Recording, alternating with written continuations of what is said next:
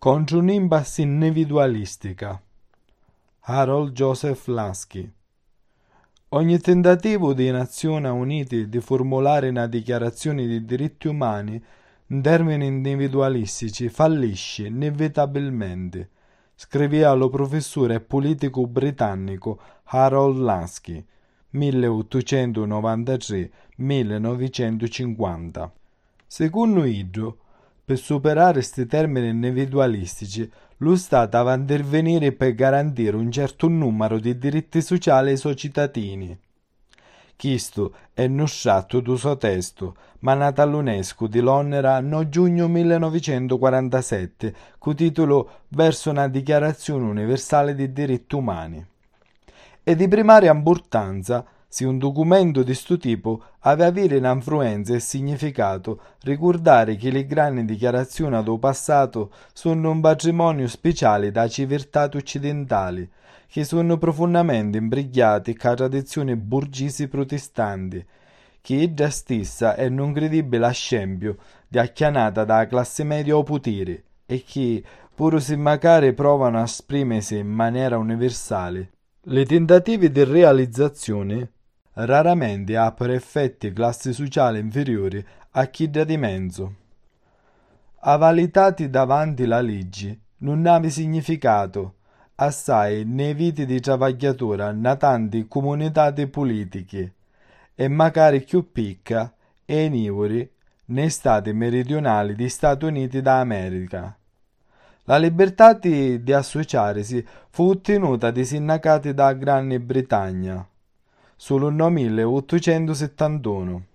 Francia, sparte tempo no 1848, solo no 1884. E Germania, solo nell'ultimi anni di l'epoca di Bismarck è solo in parte. È veramente negli Stati Uniti solo con l'atto nazionale di relazione di travaglio del 1935, stato stesso è ora in pericolo Congresso. Tutti i diritti dichiarati nei grandi documenti di questo tipo sono in verità ideali che si vogliono ottenere, ma che si scontrano con le pensieri da classe dominante di ogni comunità di politica e di sua relazione con la sicurezza di interessi che vogliono mantenere. Si va a ricordare che una delle cose più importanti di dichiarazione dei diritti passati avestato l'antagonismo presunto già libertate do cittadino individuale e l'autorità del governo nella comunità politica. Non è solo che i diritti dei cittadini hanno stato concepiti in termini individualistici, è sopra lo livello politico. C'è lo problema più serio che nasce di lo pensiero cosciente o mezzo cosciente di chiddi che scrissero le grandi documenti do passato, che tutte le aggiungiute o potere do governo sono levate da libertà individuali. Frasi come quella famosa di Bentham, ogni uomo è lo meglio giudice do son di ressi, e che ogni uomo ha a contare più uno, e mai più assai di uno, hanno le sorradichi in un modello d'organizzazione sociale descritta da Adam Smith, unni sotto qualunque sistema semplice di libertà naturali, uomini che competono già nella vita economica sono portati, ognuno di loro, di una mano messibile a promuovere un obiettivo che non faceva parte delle sue intenzioni e il scopo, per qualche magia misteriosa, fosse lo buono di tutta la comunità. Definemo lo dovere principale di un uomo nella sua vita come quello di cercarsi e, se possibile, di trovarsi con esperienza, per esempio, capire tutto quello che rinesce dal mondo, di giustizia e da vera relazione tra le due cose.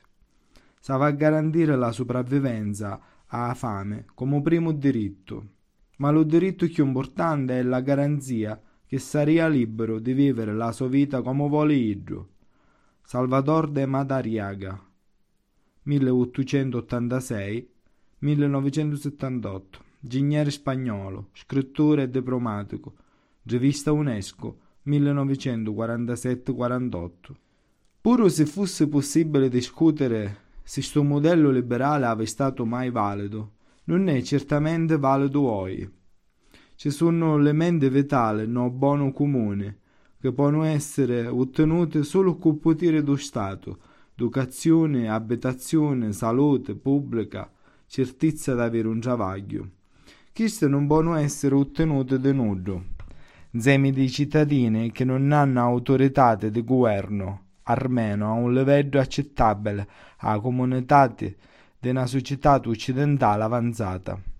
Addiventa chiaro che di esserci un antagonismo necessario tra la libertà individuale e l'autorità governativa, ci sono parti della vita sociale, una alla seconda e connessione necessaria per la prima. Nuda dichiarazione di diritti potesse essere considerata per la situazione di oggi se non tenesse conto di questo fatto. Pensieri diverse.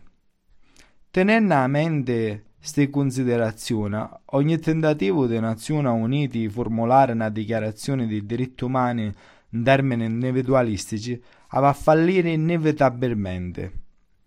Avessi picca autorità nelle società politiche che hanno bisogno sempre più assai, come un numero e come tipo di sforzo, di programmare la sua vita sociale e economica. È legittimo ir avanti e dire che se le punte fondamentali di questa dichiarazione simile fossero individualistici, lo documento venisse trattato come una minaccia a un nuovo stile di vita di difensura di principi storici che venissero sfidati.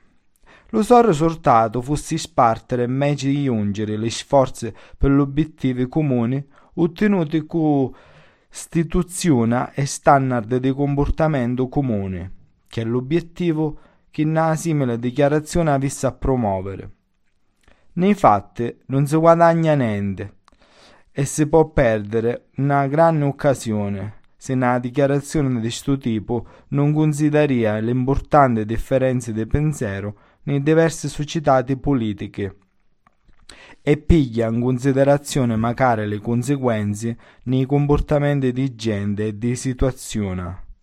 Provare a passarci sopra volesse dire non considerare le cambiamenti che significano per una società socialista, Anna Banna, pur se magari una società che sta cominciando un esperimento socialista e una società capitalista, all'altra banna dell'attitudine per cose come la proprietà privata, la legge civile e criminale, le servizi della salute e l'educazione la possibilità di vivere da certe etate senza avere a travagliare. Lo loco dell'arte, da cultura, tutti i sensi, nella società, le metodi di comunicare notizie e pensiera, le maniere come i cittadini scegliono una vocazione nella sua vita, le connessioni di promozione nella sta vocazione e la relazione di sindacati con il processo di produzione economica l'upiso da classe dominante. È difficile non giungere alla conclusione che aveva formulato Marx quando diceva che le pensieri dominanti di Nembica sono quelli della sua classe dominante. Di sta frase viene che storicamente le passate dichiarazioni di diritti hanno provato a dare una santità speciale ai diritti che qualche classe dominante, in qualche tempo, nella vita di una società politica che controllava, sentiva essere particolarmente importante per i membri di quella classe. Non c'è dubbio che erano spesso scritte in forma universale. Forse pure la dichiarazione di universe- universalità ci dette un potere ispirativo sparti dell'aria o ne volevano risortare. Arresta generalmente vero che a precannole lo stato di universalità veniva riduciuto a una particolarità fatta coincidere per quanto possibile con quello che la classe comunante credeva essere il nostro interesse o quello che pensava essere lo limite necessario di una concessione sicura. Per una dichiarazione coraggiosa e concreta, una dichiarazione internazionale dei diritti umani, basata su queste premesse e costruita su queste conclusioni, che potesse essere tagliata di gente di tutto il mondo per avere un programma d'azione, fosse uno stimolo per il riconoscimento del bisogno di riforme, che se mancano per troppo tempo possono portare a una rivoluzione violenta che una controrivoluzione già e forse magari hanno un conflitto internazionale che può magari diventare una guerra civile globale. Per dare la giusta ispirazione una dichiarazione deve essere coraggiosa nel suo carattere generale e concreta nei suoi comportamenti minuti. Avesse a tenere in considerazione le possibilità che hanno difficoltà a nascere, meci tradizioni che stanno morendo davanti ai nostri occhi. Fosse meglio non avere nulla dichiarazione, invece di una fatta a mezzo cuore, imprecisa, o una che volesse creare un compromesso difficile già principio sociale inconciliabile. Una dichiarazione a così facesse più danno che altro, a meno che le membra delle Nazioni Unite non gettassero fiducia e rispetto connezionato. Nebbe che come la nostra, che ha visto l'impotenza della società di nazione, lo mancato rispetto do patto Kellogg-Briand e la violazione cinica di legge e tradizione internazionale e ave vivuto sotto la tirannia di regimi barbari che usavano la tortura e l'ammazzatina di massa soluzione comune, non si può permettere un altro fallimento non ave diritto di offrire una speranza all'umanità che non è preparata a organizzare le condizioni fondamentali necessarie per una rinasciuta completa. Lo prossimo tradimento dei politici di chi che l'uomo comune considera la base del suo rispetto come essere umano sarebbe lo preludio a un disastro che questa civilizzazione difficilmente potesse superare professore e scienziato politico britannico Harold Lansky 1893-1950 era un membro importante del Partito Laburista Britannico. Zignava all'Università McGill o Canada, l'Università di Harvard negli Stati Uniti e la London School of Economics and Political Science nel Regno Unito.